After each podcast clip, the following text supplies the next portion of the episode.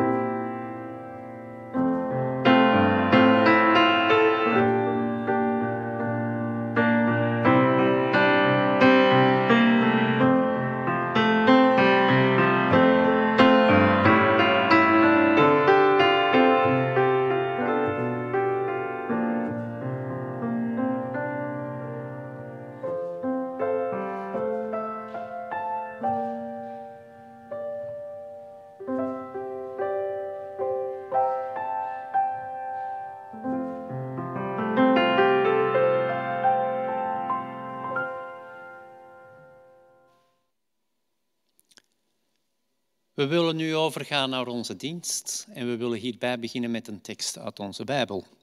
Ik wil u voorlezen uit Psalm 119, de versen 89 tot 96. Heer, voor eeuwig staat uw woord in de hemel vast. Uw trouw duurt van geslacht op geslacht. U hebt de aarde gegrondvest en zij houdt stand. Naar uw voorschriften blijven hemel en aarde bestaan. Alles is aan u onderworpen. Verheugde ik mij niet in uw wet, ik zou vergaan van ellende. In eeuwigheid zal ik uw regels niet vergeten. Daardoor houdt u mij in leven. Ik ben van u, red mij, want steeds zoek ik uw regels. Zondaars zijn uit op mijn ondergang. Maar uw richtlijnen geven mij inzicht. Aan alles, hoeveel maakt ook, zag ik een einde. Maar uw gebod is grenzeloos ruim. We willen nu deze dienst openen met een gebed en vragen u om de hoofden te buigen. Onze Vader in de hemel, deze morgen komen wij weer tot u om u weer te danken voor de zegeningen van de afgelopen week, Heer. Wij zijn ook weer blij en dankbaar dat we hier met z'n allen mogen kunnen samenkomen, al is het online, om u te loven en te prijzen. Heren, om hier ook samen te kunnen nadenken over uw woord. En daardoor ook straks gesterkt huiswaarts mogen gaan, Heer, om weer volop aan die nieuwe week van start te kunnen gaan. En we zijn ook blij deze morgen dat onder leiding van Johan, uw woord, dat we dat samen kunnen bestuderen. Laten we de woorden die hij spreekt diep mogen doordringen, opdat we mogen geraakt worden door u. En dat we op deze wijze vol van uw woord mogen zijn en deze mogen doorgeven aan iedereen die we kennen, onze buren, onze collega's, onze familie, Heer, waar we ons ook bevinden. Dat we ook hen mogen raken met uw woord van liefde, Heer. Heer, we hebben deze week afscheid moeten nemen van Goddelief Timmermans. We willen u vragen om al haar familie, vrienden en kennissen te steunen in deze periode van verlies, Heer. Wees ook nog met al onze zieken, al onze ouderen die slecht te been zijn en diegenen die ook eenzaam zijn, Heer. Wilt u bij zijn? Wilt u hen sterken? Wilt u hun hart onder de riem steken?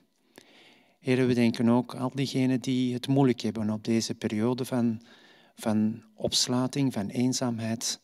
Wilt u hen het licht laten zien, Heer, dat het niet lang meer zal gebeuren, dat het niet lang meer zal duren, Heer.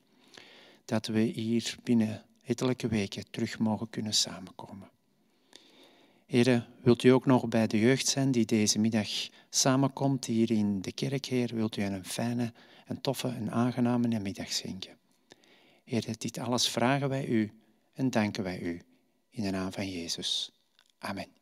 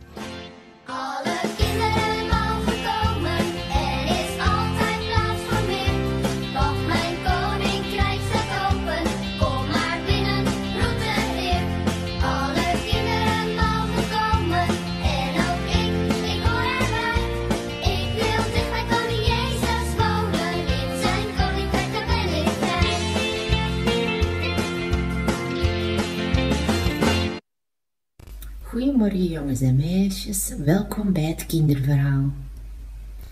Op een dag had Jezus lang gestapt door het land Samaria, een buurland van het land waar hij woonde.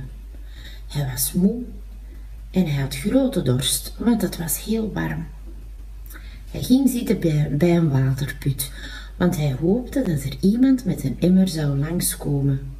Zonder emmer kon je immers niet bij het water komen. Daarvoor was de put veel te diep. Na een tijdje kwam er een Samaritaanse vrouw aan. Ze had een emmer bij, liet die in de put zakken aan een touw en haalde hem boordevol water weer op. Af en toe wierp ze een blik op Jezus. Krijg ik een beetje water, alsjeblieft? vroeg Jezus haar. Hij keek haar ernstig aan. Natuurlijk, zei ze. Ze liet hem drinken zoveel hij wilde. En hij had echt wel grote dorst. Ze lachte hem toe. Dat gebeurt ook niet vaak, dat een Jood aan een Samaritaanse om water vraagt, zei de vrouw. Wat vind jij nu van die ruzie die ze altijd maken? Mogen we tot God bidden op die berg daar? Of moeten we daarvoor naar de tempel in Jeruzalem? Jezus lachte.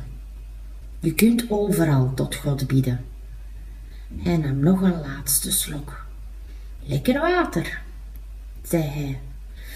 Alleen jammer dat je toch weer zo gauw opnieuw dorst krijgt. Zal ik je eens water geven waar je nooit meer dorst van krijgt? Echt levend water? De vrouw lachte hem, hem uit. Hoe wil je dat doen? Je hebt niet eens een emmer om water op te halen. Hij keek haar aan. Ga je man maar halen, dan krijgt hij ook van dat levende water. De vrouw bloosde en sloeg haar ogen neer. Ik heb geen man, antwoordde ze. Dat is waar, zei Jezus meteen. Je hebt al enkele mannen gehad en de man die je nu hebt is niet de jouwe. De vrouw sprong achteruit, alsof ze door een schorpioen gebeten was. Ze kneep haar ogen, ogen tot spleetjes. Ben jij soms een profeet dat je dat allemaal weet? Ze wist niet wat ze van die man moest denken. Als je God in je hart laat komen, lijkt het alsof je in je binnenste een put hebt, zei hij zacht. Een put met water die nooit droog staat en die altijd moed geeft om verder te gaan. Hij praatte maar verder. De vrouw luisterde met gefronste wenkbrauwen. Stilaan leek ze te begrijpen wat hij bedoelde. Je lijkt wel die man op wie we al zo lang wachten, zei ze toen. Je weet wel, de Messias, die ervoor zal zorgen dat onze wereld echt goed wordt, echt een plaats van God. Jezus keek haar nog steeds aan. Toen rende de vrouw weg en haalde mensen uit haar dorp. Er is iemand bij de put, misschien wel de Messias, riep ze. Velen gingen naar hem luisteren. Hij bleef twee dagen bij die mensen, ook al waren ze Samaritanen. En wat hij zei was waar. In hun hart kwam er een put met water, een bron die nooit droog stond. God was altijd bij hen. Zo jongens en meisjes, dat was het kinderverhaal. Nog een fijne week en tot volgende keer. Dag!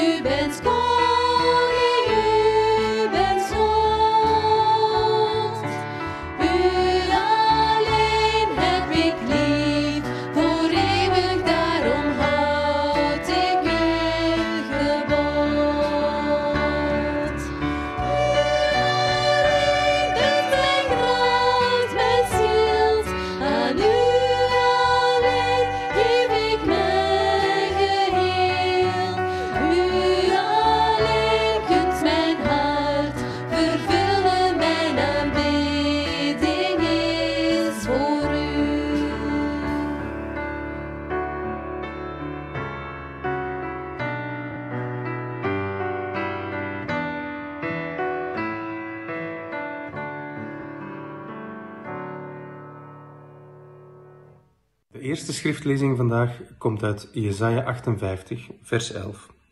De Heer zal je voortdurend leiden. Hij zal je verkwikken in dorre streken. Hij maakt je botten sterk en krachtig.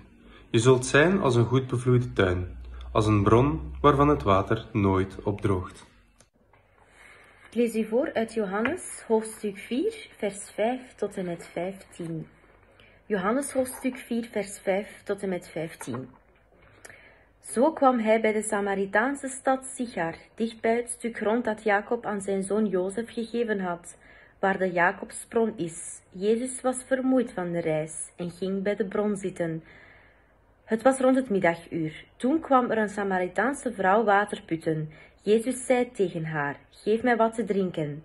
Zijn leerlingen waren namelijk naar de stad gegaan om eten te kopen. De vrouw antwoordde: Hoe kunt u als Jood mij om drinken vragen? Ik ben immers een Samaritaanse. Joden gaan namelijk niet met Samaritanen om.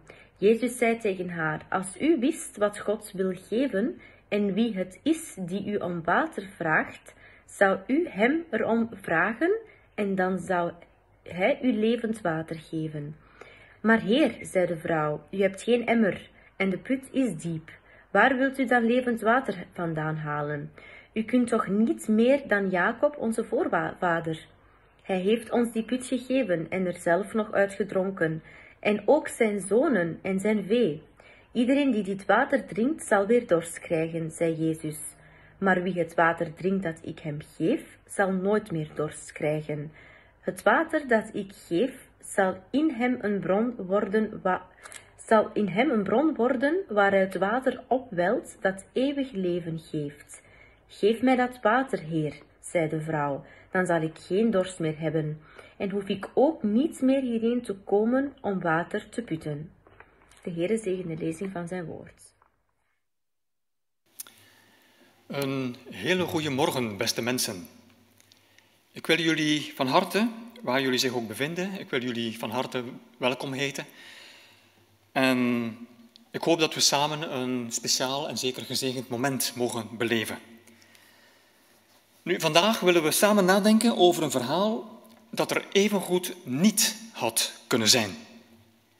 In het Samaritaanse stadje Sigar vraagt Jezus, vermoeid en dorstig door de reis, aan een vrouw die water komt putten onder de volle middagzon, geef mij te drinken.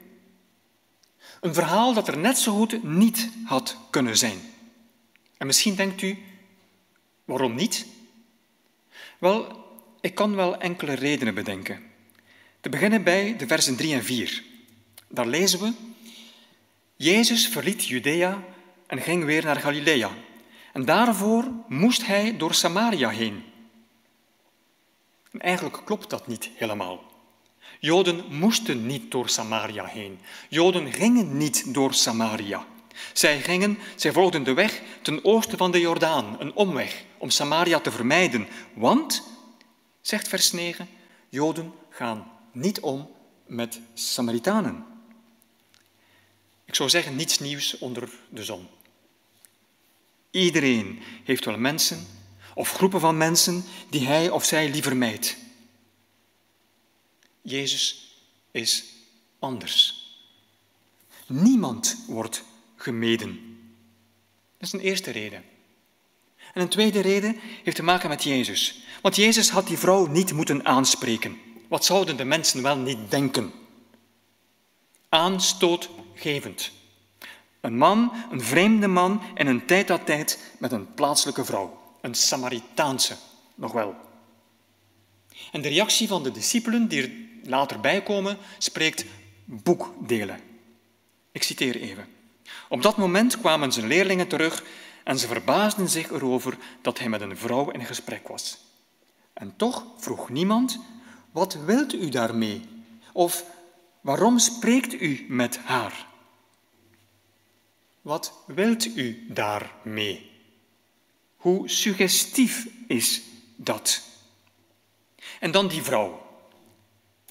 Die vrouw had Jezus onmiddellijk de rug moeten toekeren. Ik vertrouw het niet. Die man heeft bijbedoelingen. Wat zullen mijn dorpsgenoten wel niet denken? En dan, ja, denkt die Jood nu echt dat ik zijn meid ben? Macho? Daar ben ik dan wel weer goed genoeg voor. Het verhaal had er net zo goed niet kunnen zijn. Maar het is er wel. Het is er wel en gelukkig maar. Alleen, en ik besef heel goed dat het eigenlijk een heel delicaat onderwerp is voor een preek, want het is al zo vaak gelezen. Er is al zo vaak over gesproken en gepreekt. Men heeft het zo vaak gehoord. Het is zo vaak becommentarieerd. Beste mensen, wees niet ongerust. Ik ga niet elk detail van het verhaal overlopen, niet elk detail uitleggen. Ook niet overal commentaar opgeven. En misschien, misschien geef ik niet eens een echte uitleg, zou best kunnen. Maar het is wel een springplank om na te denken, om te bezinnen over een en ander. Met misschien hier en daar toch wel een verrassend elementje bij. Maar misschien toch heel even eerst dit.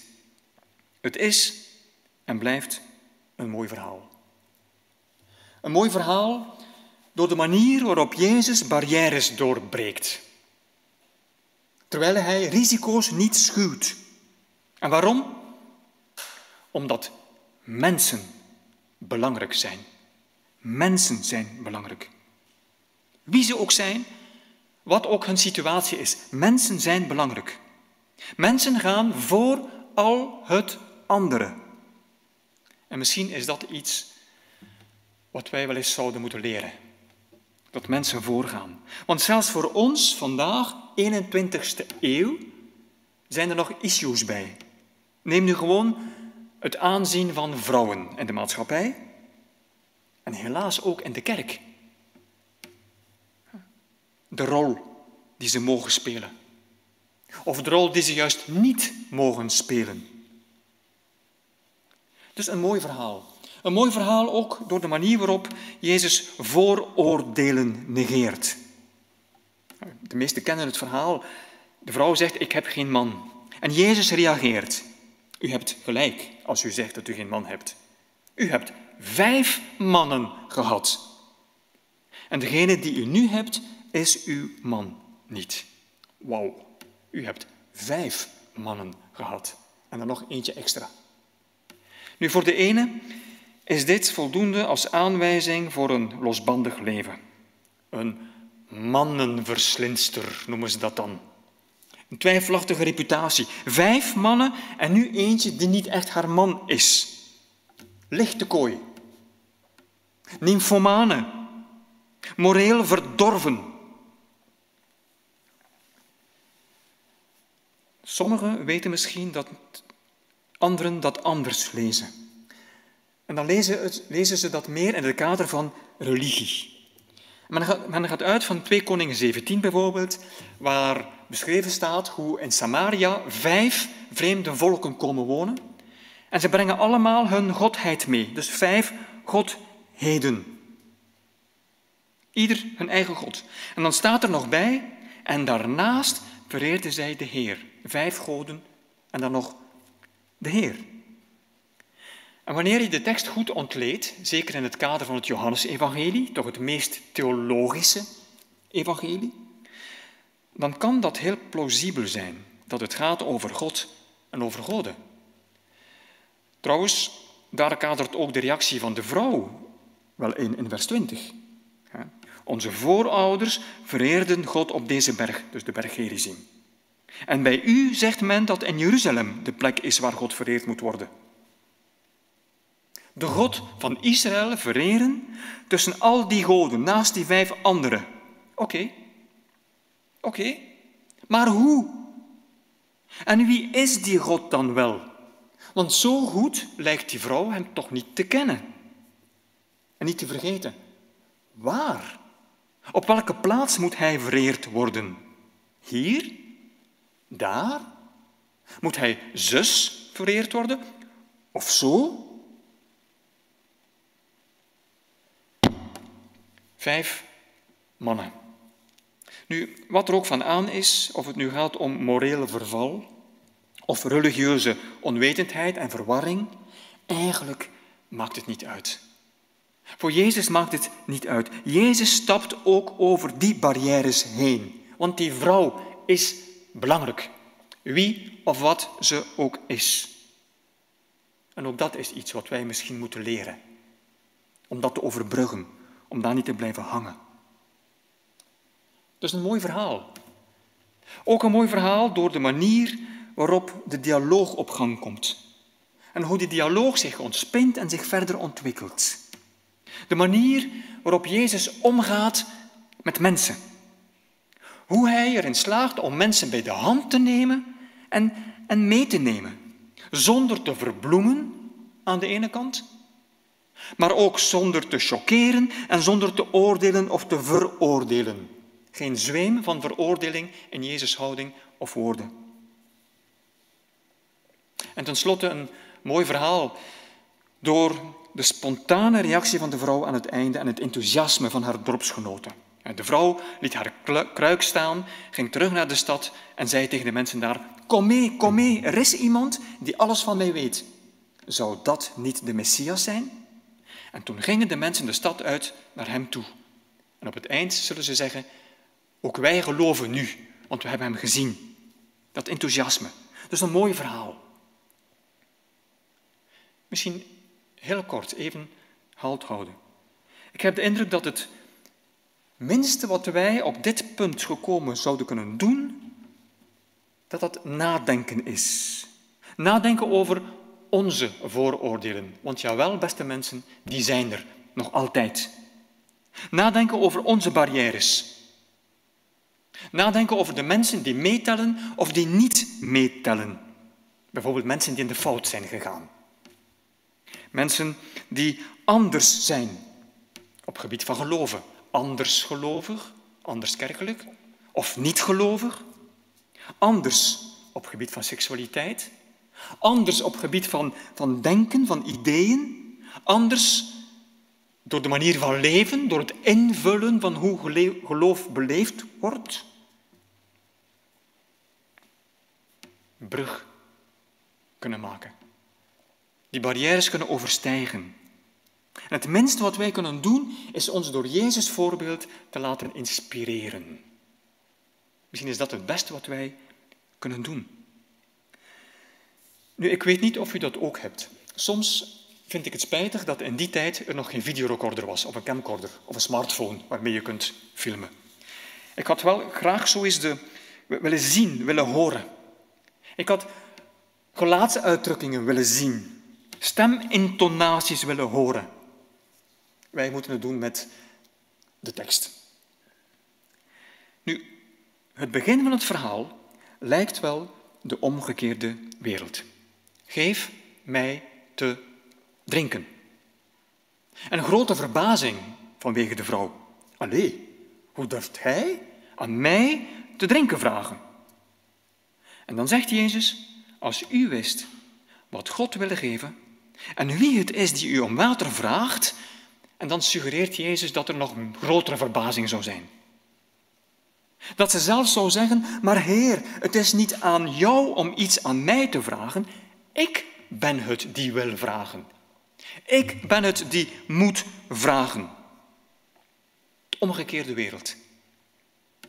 Jezus, tussen haakjes, Gods Messias, Gods gezant, volgens zijn eigen woorden gekomen om de Vader te tonen, om God te tonen, om de mensen te leren wie God is, hoe God is, en die toch om water vraagt, omdat hij vermoeid en dorstig is.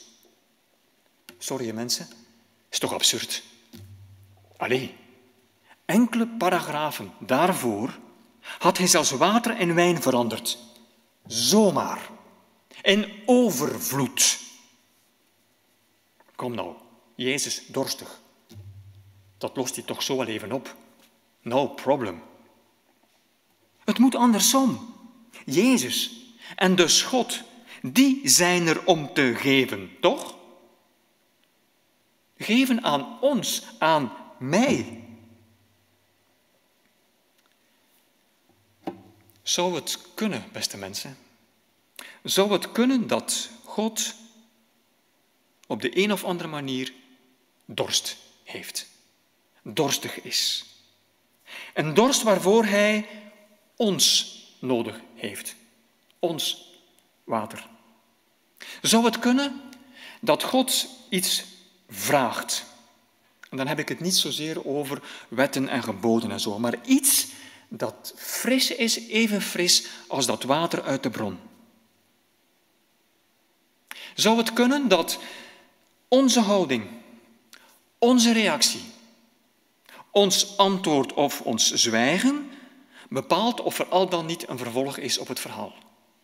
Of dat het verhaal daar misschien stokt? En er zijn nog andere vragen. Wie geeft? Wie ontvangt? Jezus, God, de vrouw, wij? Hoe, hoe, hoe zit dat precies? Wie geeft wat?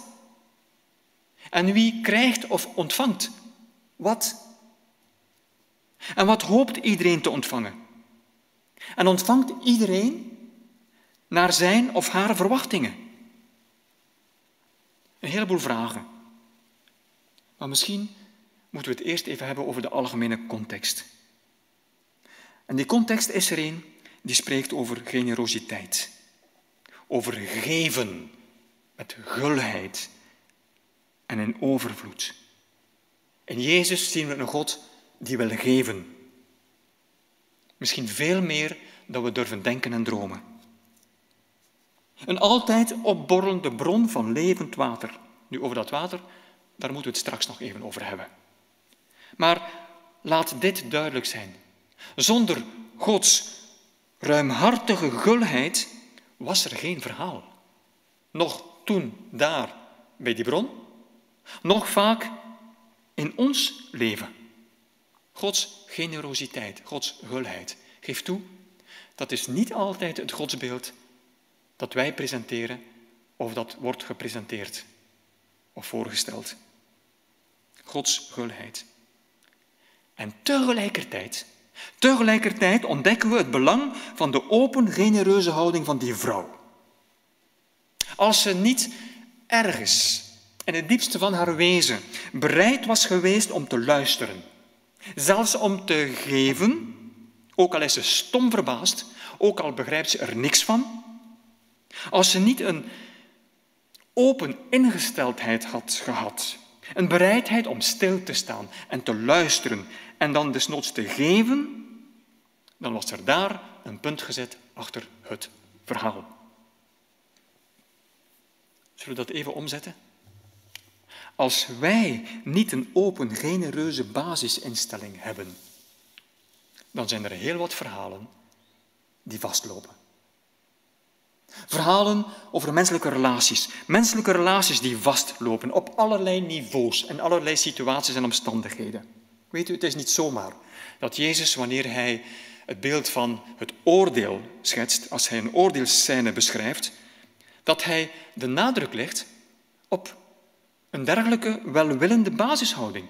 Al wat je gedaan hebt, al wat je gegeven hebt, of niet gedaan of niet gegeven aan de minste van mijn broeders, daar gaat het om. Of ook wat jij wil dat de anderen jou doen, doe jij dat ook. Situaties die kunnen vastlopen. Ook in de kerk, laten we eerlijk zijn. Ook daar opent een open, welwillende, genereuze ingesteldheid. Een milde ingesteldheid, mildheid, vind ik een fantastisch begrip, heel mooi woord.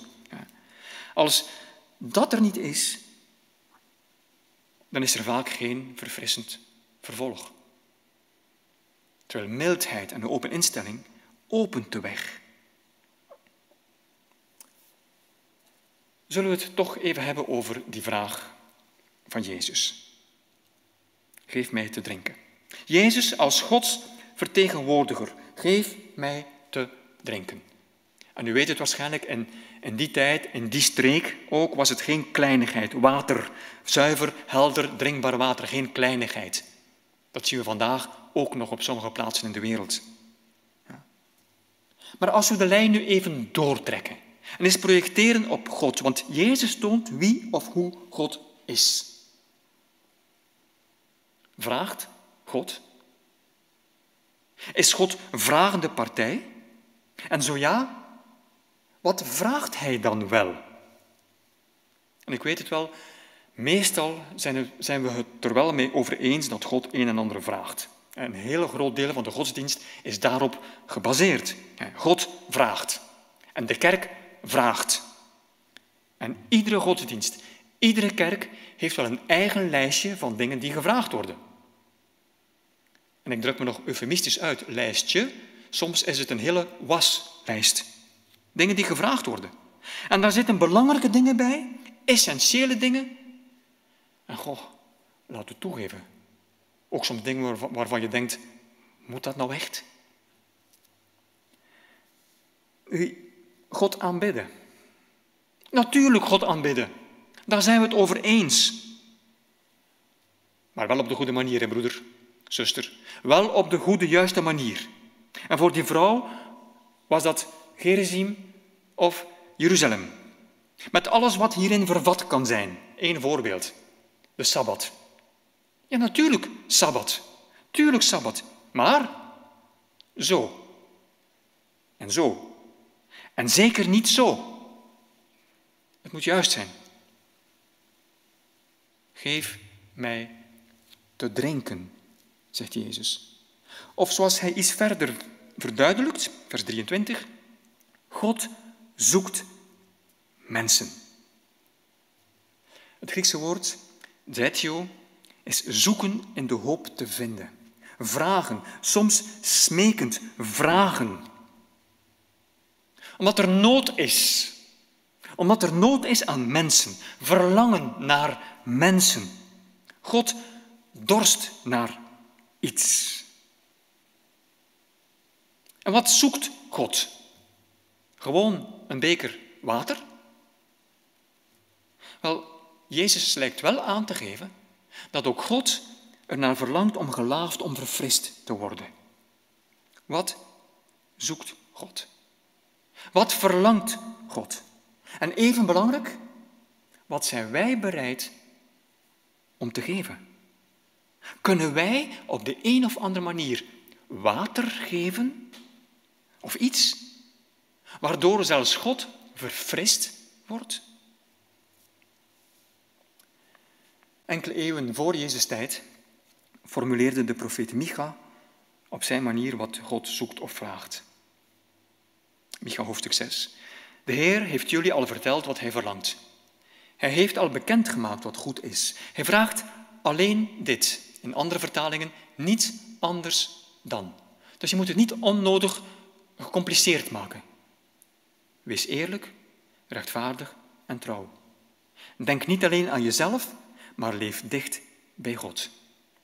Dit is de versie van de Bijbel in gewone taal. En ik vind dat een hele mooie versie.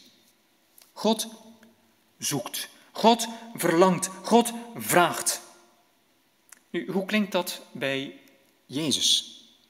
God zoekt mensen, en nu lezen we het vervolg, die Hem aanbidden in geest en in waarheid. Er is al heel veel over gezegd en geschreven. Laten we misschien gewoon even iets uitproberen. Laten we beginnen bij waarheid. Waarheid. Zoekt God vooral mensen voor wie kerkelijke, het begrip kerkelijke waarheid de eerste en voornaamste bekommernis is. U kent het wel. Orthodoxie boven alles. Juistheid tot in alle puntjes. Leerstellige zuiverheid en ook correcte toepassing van ieder punt. Zoekt God vooral mensen die zeggen: Wij hebben de waarheid. Wel, het is wel een beetje in die richting dat die vrouw het gesprek probeert te sturen. Moet het nu op de geren zien of in de tempel te Jeruzalem? Maar Jezus gaat er niet echt op in. Jezus blijft daar niet op hangen, alsof het niet het belangrijkste is. Alsof dat niet de manier is waarop Gods dorst wordt gelest. Alsof Gods, Gods dorst niet wordt gelaafd door mensen die prat gaan op het juiste etiket, de juiste rituelen, de juiste woorden, de juiste gebruiken. Trouwens, onder ons gezegd en gezwegen, dat ruikt heel erg naar de religieuze leiders in Jezus' tijd. Hm. Wij leven vandaag. Hoe ervaart u dat? Vindt u dat mensen die vooral en soms hoofdzakelijk bezig zijn, of bijna uitsluitend bezig zijn met leerstellige juistheid en de correcte, correcte manier om alles juist toe te passen, vindt u dat de meest verfrissende mensen? Nu, eigenlijk moet ik eraan toevoegen dat het niet zo is dat het er helemaal niet toe doet. Want Jezus suggereert wel iets. Jullie weten niet wat jullie bereert. Jezus geeft aan dat um, de Joodse piste toch wel het volle waard is. Redding komt van de Joden. En jullie weten niet, wij weten wel. Ja. Dus een, belang, een interessante piste om te volgen. En ook weten wat je doet. Weten en begrijpen wat je gelooft. Natuurlijk is dat ook van belang. Maar dan staat er wel, maar er komt een tijd en dan, dan zien we opnieuw dat het toch enigszins betrekkelijk is. Dat er misschien toch dingen zijn die belangrijker zijn. En dan is natuurlijk een belangrijke vraag. Hoe moeten wij waarheid verstaan? Wel, het evangelie van Johannes is wel interessant, de manier waarop het begint. Uh, gewoon even vers 14 en vers 17 van het eerste hoofdstuk. Ja. Dan gaat het ook over waarheid. Ja. En waarheid wordt gekoppeld aan goedheid. Idem dito, de wet is door Mozes geschreven, maar goedheid en waarheid zijn met Jezus Christus gekomen. Goedheid en waarheid. Met elkaar verbonden. Het Bijbelse woord, emet, kun je vertalen door trouw, betrouwbaar zijn, authentiek zijn, integer zijn. En het is een woord dat heel relationeel is, waar het gaat over intermenselijke verhoudingen, hoe je omgaat met elkaar. Trouwens, het werkwoord aman, waar ons amen vandaan komt, steunt op het beeld van een, een, een, een voedster, een mama, die haar kind in de armen houdt met alle relationele intensiteit die erbij hoort. Schitterend woord. Heel relationeel. Waarheid. En hoe zit het met geest? In geest. Makkelijkste antwoord is, ja, daar gaat het over de mensen die de Heilige Geest hebben. En dat zal wel kloppen. Dat zal wel kloppen. Alleen, vertelt u mij eens, wat is dat precies? Wie of wat is dat precies? Of zou het kunnen dat we de vraag eerder anders moeten stellen? Namelijk, wat betekent dat concreet?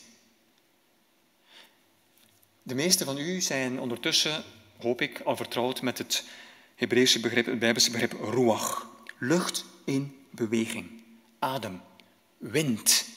Geestesadem ook soms genoemd. En wind kun je niet zien. Wind kun je niet in de handen houden, kun je niet vastpakken. Maar je voelt het wel. En je ziet de uitwerking, je ziet wat het doet. De wind die dingen in beweging zet, dynamiek. Zou het kunnen dat het vooral daarom gaat? Die levensdynamiek? Misschien heeft Jezus het zelf wel aan. In zijn eerste toespraak in de synagoge van Nazareth in Lucas 4. De geest van de Heer, dus de roeg van de Heer, rust op mij. Want hij heeft mij gezalfd. Om aan armen het goede nieuws te brengen, heeft hij mij gezonden. Om aan gevangenen hun vrijlating bekend te maken en aan blinden het herstel van hun zicht. Om onderdrukten hun vrijheid te geven en om een genadejaar van de Heer uit te roepen. Uitwerking van de geest, dubbelpunt, goed nieuws brengen. Bevrijden, helen, gezond maken, heel maken, genade brengen. En eigenlijk kunnen we net zo goed de apostel Paulus erbij halen. Ook een heel gekende tekst, gelaten 5. En de vrucht van de geest is liefde en vreugde en vrede en geduld en, en vriendelijkheid en goedheid en, en geloof en zachtmoedigheid en zelfbeheersing. Ook de Bijbel en gewone taal vind ik wel mooi. Mensen die zich laten leiden door de Heilige Geest houden van elkaar. Ze zijn blij en leven in vrede. Ze hebben geduld en zijn goed voor elkaar. Ze zijn vriendelijk en gedragen zich goed. Verfrissend, vindt, u niet? Zo verfrissend. Zou dit de manier kunnen zijn om God waarlijk te aanbidden? Zou dit kunnen zijn wat God boven alles zoekt? Stel je even voor dat zo'n wind, zo'n geesteswind door je leven waait. Door je hart, door je geest waait. Door je kerk waait. Voluit, volop. Weet u, ik kan me daar best een God bij voorstellen die zijn duim opsteekt en zegt, tof. Dat zie ik graag. Dat doet mij deugd. Mensen. Mensenlevens. Manier van leven als een beker verfrissend water voor God. En ik luister naar mijn eigen woorden. Voor God. Voor, voor God? Vraagt God die dingen voor zichzelf? Of vraagt Hij het voor de mensen voor wie Hij het opneemt? Voor de mensen die Hij geschapen heeft, wie ze ook zijn, en voor wie Hij het allerbeste wil. Mensen die zo vaak in nood zijn, die zo vaak zwaar beladen zijn door het leven of door de omgeving, soms door de mensen om hen heen. Zou het kunnen zijn dat God vraagt omwille van hen, in hun naam? In het verhaal van in Johannes 4 is een interessant detail. Op een bepaald moment komen de discipelen terug, het is al laat, en ze zeggen, Heer, je hebt nog niets gegeten. Je hebt nog niets gegeten. En Jezus antwoordt, ik heb een voedsel dat jullie niet kennen. En hij heeft het over de wilde van de Vader, maar het hele verhaal en de rest van het evangelie toont aan dat Jezus voedsel, het brood dat Jezus echt eet, dat het gaat om praten met mensen. Mensen bevrijden, mensen gelukkig maken, mensen heel maken, mensen helen. Dit gezegd zijnde, misschien is het tijd om het eens om te keren. Geef mij te drinken. En de vrouw is verbaasd dat Jezus dat vraagt en Jezus verlengt die verbazing naar God toe. Als u wist wat God wil geven en wie het is die u om water vraagt, zou u hem erom vragen. God die geeft. God die wil geven. Ah, ah, dat is meer vertrouwd natuurlijk. Dat is ons meer bekend en het is ook geruststellend. God die geeft. In het verhaal begint er dan een prachtige dialoog tussen Jezus en die vrouw.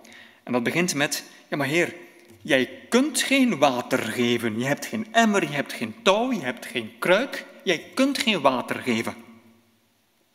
En weet u, beste mensen, dat is vaak het moment waar wij een meewarig glimlachje produceren.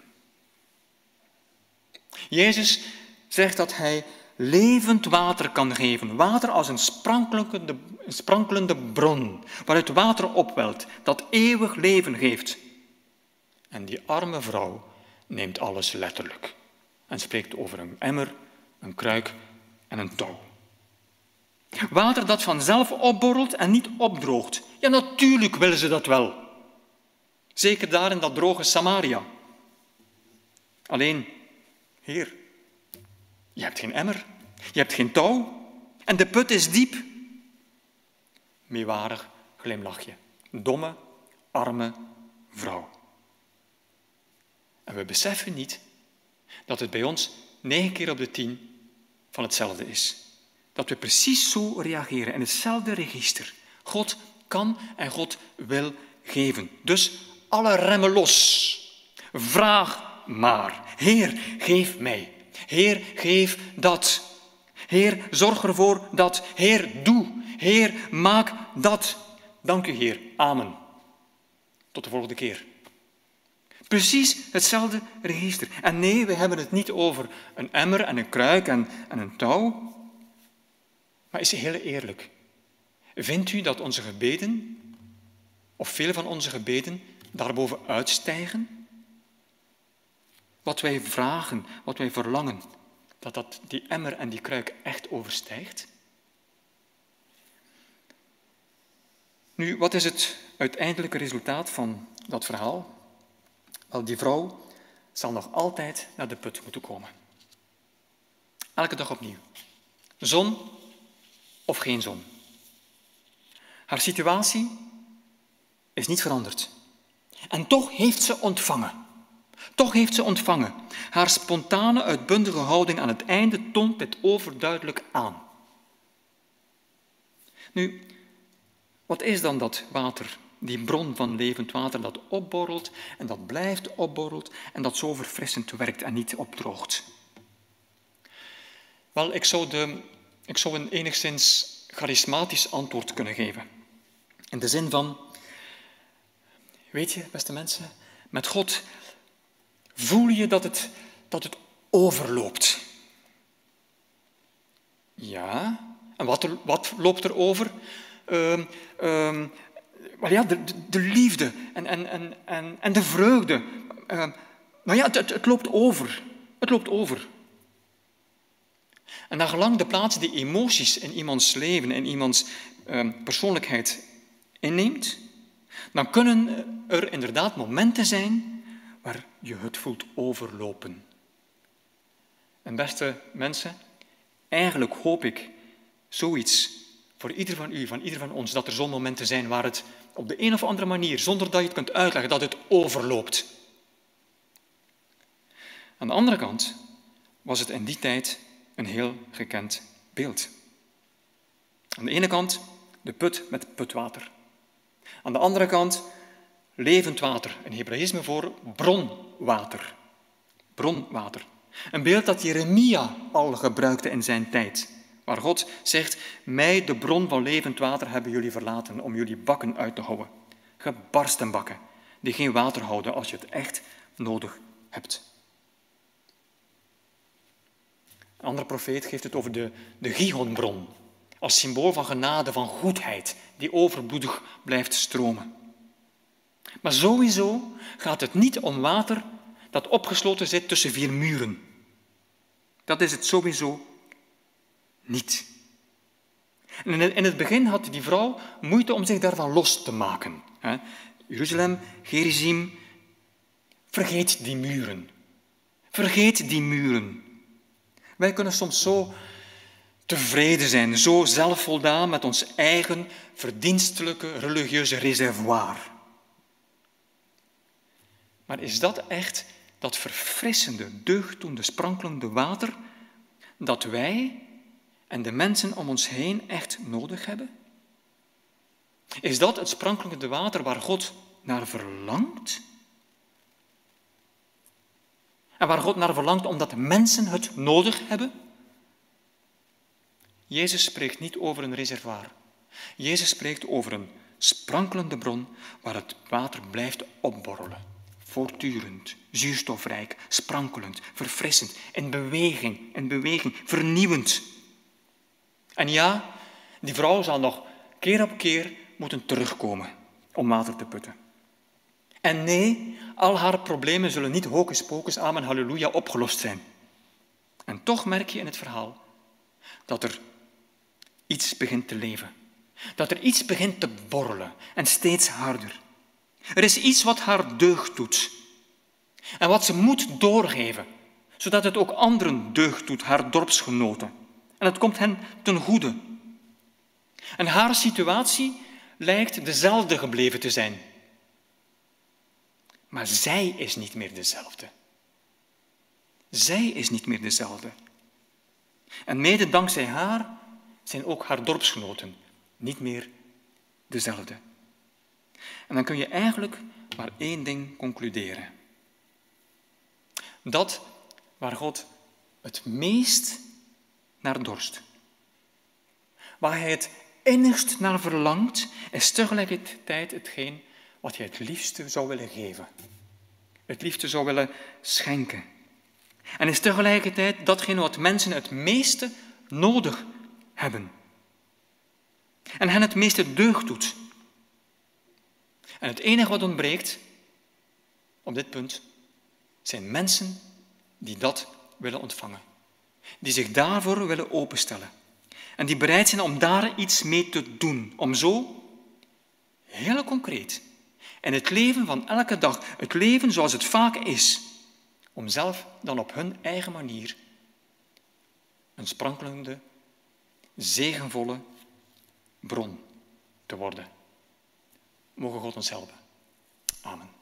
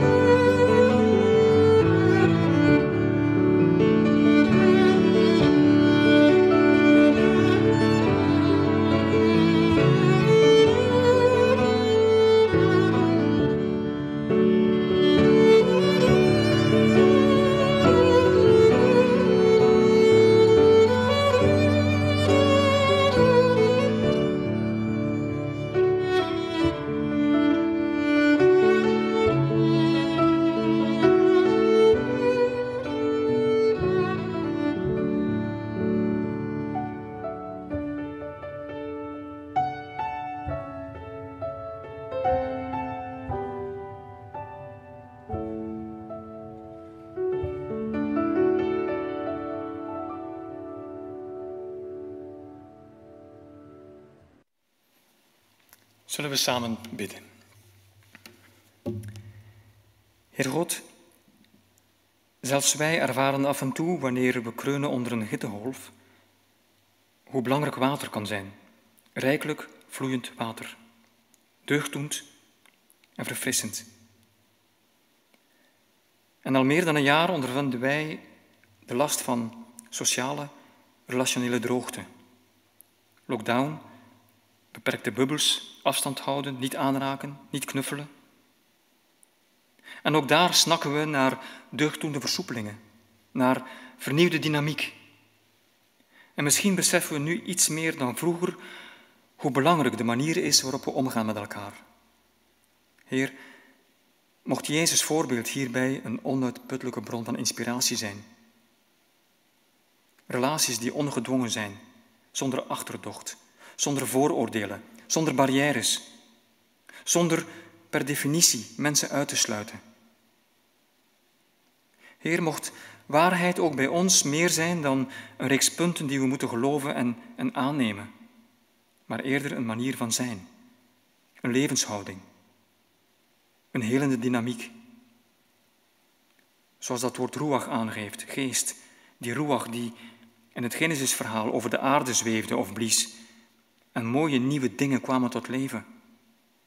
Of die ruach die de aarde na de zonvloed weer droog blies zodat een nieuwe wereld kon openbloeien onder het teken van Gods regenboog. Of die geesteswind die de weg vrij maakte door de Rode Zee, zodat menselijk waarlijk bevrijd konden worden. Bevrijding, heling, genezing, ondersteuning, bemoediging. Iets waar zoveel nood aan is, ook en misschien vooral in onze moderne maatschappij. Heer, stel ons open voor uw bron van levend water. Mag het ons doordringen. Mag het ons helemaal vervullen.